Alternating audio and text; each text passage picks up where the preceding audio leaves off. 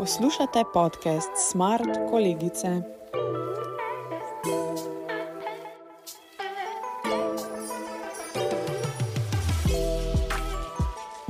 Drage poslušalke, dragi poslušalci, dobrodošli v prvi epizodi podcasta Smart Kolegice. Kar celo leto bomo kolegice snemale podcaste na različne tematike, od kompetenc, ki so potrebne za delo na področju tehnologije, pa vse do zgodb uspešnih žensk, zaposlenih na področju tehnologije. Pogovarjala se bom z različnimi gostjami, od katerih bomo izvedeli mnogo zanimivih informacij in se od njih tudi kar nekaj naučili. Kolegice so projekt, ki ga mlade ženske izvajamo pod okriljem Zavoda Nefix. Poslanstvo zavoda je mladim in mladinskim organizacijam zagotavljati ustrezno strokovno podporo pri beleženju in evidentiranju neformalnega izobraževanja in učinkov mladinskega dela z namenom njegovega priznanja v širši družbi. Nadalje je namen zavoda mladim pomagati pri kariernem razvoju, zaposlovanju in aktivnem državljanstvu ter zagotavljati pomoč in podporo pri organizacijskem in drugem razvoju mladinskih in nevladnih organizacij. Podcast pa ustvarjamo v projektu Kolegice, katerega vam bomo v prvi epizodi tudi predstavili. V današnji epizodi se bomo tako pogovarjali o zgodovini projekta Kolegice in o razvoju projekta v takega, kot ga poznamo danes. Z nami sta tudi dve prav posebni gosti, dve bivši vodji projekta Kolegice, ki sta veliko prispevali k razvoju in spremembam v okviru projekta. Povedali nam bosta več o projektu ter kako sta doživljali razvoj projekta. Z nami je Maja Dževič Prah, samostojna podjetnica in tudi bivša direktorica zavoda Nefix.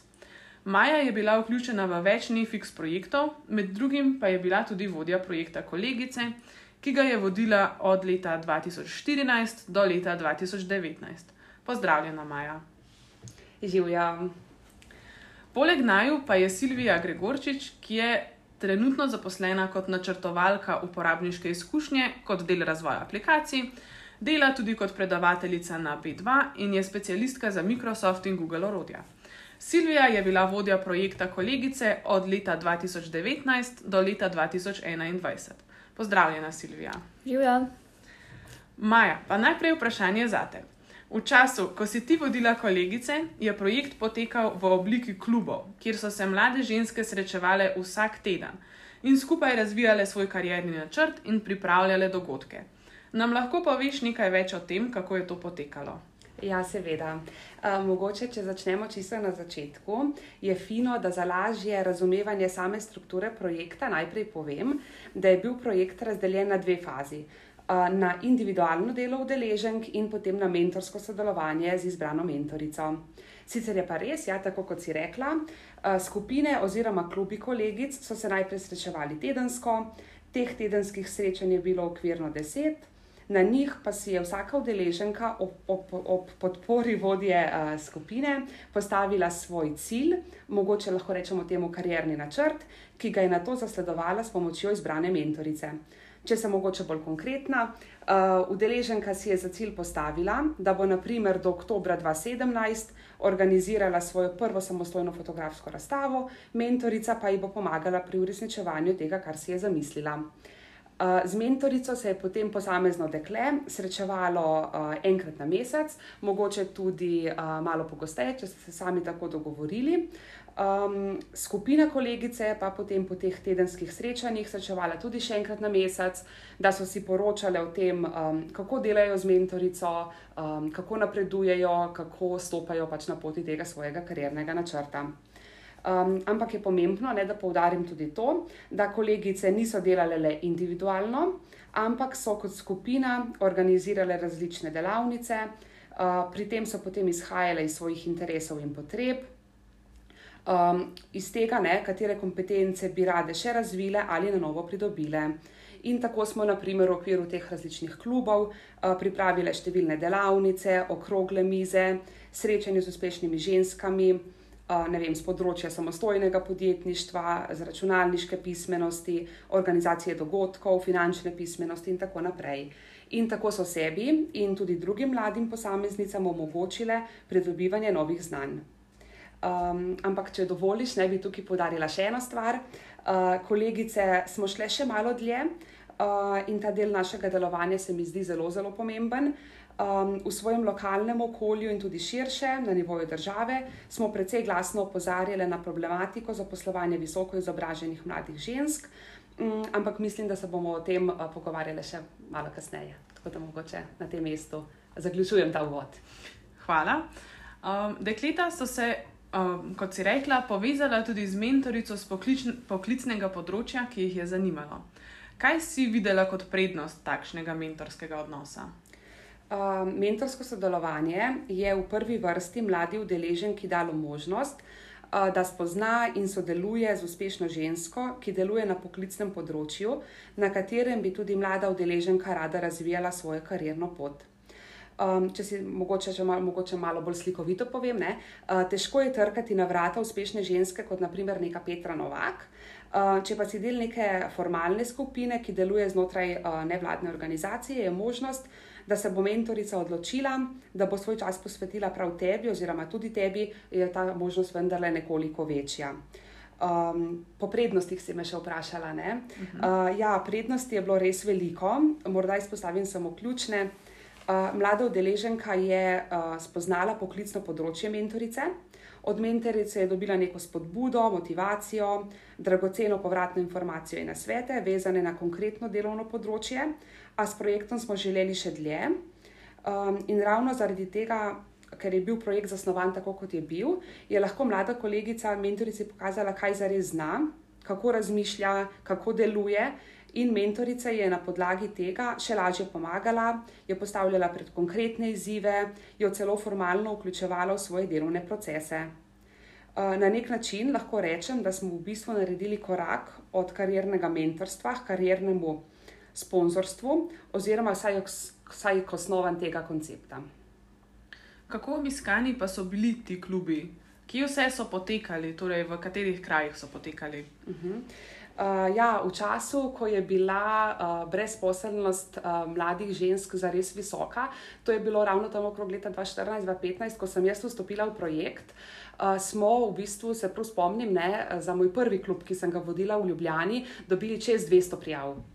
In smo potem na osnovi teh nekih uh, začetnih zapisov punc izbrali skupino 20 deklet. Uh, Um, se pravi, ko je bila brezposelnost zares visoka, ne, je bil kljub kolegic močno, močno obiskan, uh, potem um, skozi leta ne, je mogoče udeležba um, padla, ampak na način padla, da ni bilo več 200 prijav, ne, da jih je bilo vseeno malo manj. Uh, um, definitivno smo pa klube izvajali povsod, uh, kjer je bil uh, interes v lokalnem okolju. Tako da lahko rečem, da smo bile prisotne kolegice prav v vseh slovenskih regijah. Ne vem, uh, če naštejem samo nekaj krajev. Ne. Bile smo v Novi Gorici, v Ajdovščini, v Sežani, v Kopru, v Ljubljani, Kranju, uh, Murski soboti, Mariboru, Brežicah in tako naprej. No, res povsod. Kaj pa si sama zaznala kot neko dodano vrednost tega projekta? Uh -huh.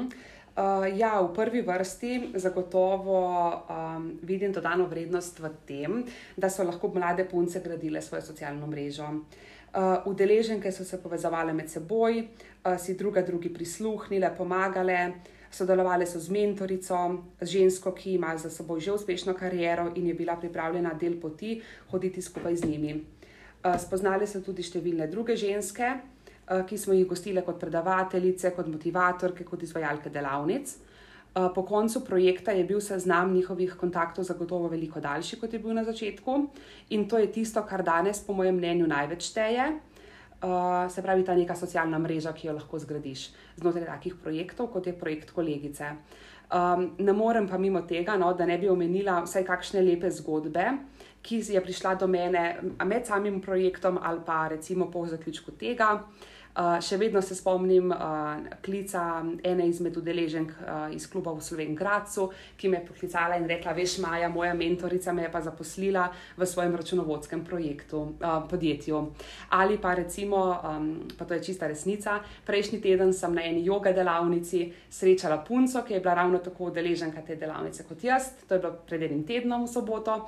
In um, ta udeleženka je sedela v tej sobi, kjer sedimo danes um, in je na prvem srečanju rekla, jaz bi rada delala um, kot novinarka in rada bi imela uspešno žensko z novinarskega področja za svojo mentorico. In danes je ta punca res novinarka in jo lahko vidimo na eni izmed slovenskih televizij. Tako. Odlično. Uh, leta 2020 pa je projekt doživel preobrazbo. Za udeleženke so se oblikovale različne delavnice, s katerimi lahko pridobivajo nove kompetence in veščine, se družijo ter mrežijo. O tej spremembi pa nam lahko največ pove kar Silvija, ki je bila vodja projekta Kolegice v tem času. Kako to, da je prišlo do te spremembe v delovanju projekta Kolegice? Um, ja, zdaj v bistvu to, da smo nekako prišli iz neke klubske zasnove v bolj delavniško usmeritev samega projekta, je v bistvu že maja nek širši kontekst tega mečkano medla.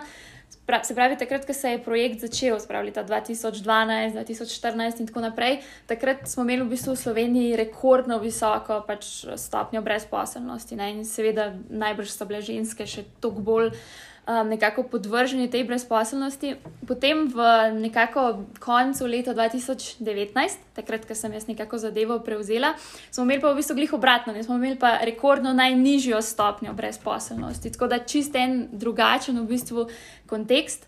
Uh, in seveda, mi nikoli nismo doživeli 200 prijav, uh, mi smo, recimo, jaz sem imela dve skupini, še vseeno kluba, uh, klubov, in recimo smo za vsako skupino nabrali tako do nekih 6-7 udeleženk največ. Um, pa potem tudi tekom, ko je že v bistvu ta klub potekal, je v bistvu vedno manj deklet prihajalo, po eni strani zato, ker prioriteta je bila še vedno študij uh, in se jim je zdelo mogoče, da se jim je zdela celotna zasnova projekta Mečken preveč um, časožerna in tako naprej. Um, in seveda je to vplivalo potem še na vse ostale udeleženke, ne? so tudi one potem večkrat izgubljale motivacijo in v bistvu kar um, tem niso več prihajale. Uh, tako da, ja, v bistvu, v bistvu zaradi tega no, um, sem pa v bistvu opazila, da v vsakem klubu smo organizirali eno delavnico, nek dogodek, ki smo ga skupaj pripravljali, in v bistvu se je, sem zaznala, da takrat pa je ne, neko zanimanje in strani udeleženk, da sodelujejo pri organizaciji, in strani uh, recimo neke širše javnosti, ne, nekih um, deklet, ki mogoče ne spadajo v klub. Uh, tako da zato smo se nekako potem odločili, da pa projekt za naslednje leto napišemo v bistvu v nekem smislu nekih delavnic in dogodkov. Ne. Uh, zdaj sem ravno razmišljala o tem, da mogoče COVID, ne leta 2020, bi mogoče spet bil neka možnost, da preverimo, če pa mogoče spet bi klubi zaštartali, če bi jih imeli v neki online obliki in tako naprej. Um, tako da, ja, no, mogoče, mogoče bi bila lahko ena rešitev za nazaj, ampak se mi zdi, da takrat so pač delavnice bile neka ideja, ki se je bolj prijela. Ste kakšne dobre prakse klubov kolegic tudi obdržali? Uh, ja, mogoče gre res za dve različne, mislim, dve različni metodi. In um, jaz bi bolj rekla, da smo nek delček klubov vzeli, pa ga potencirali.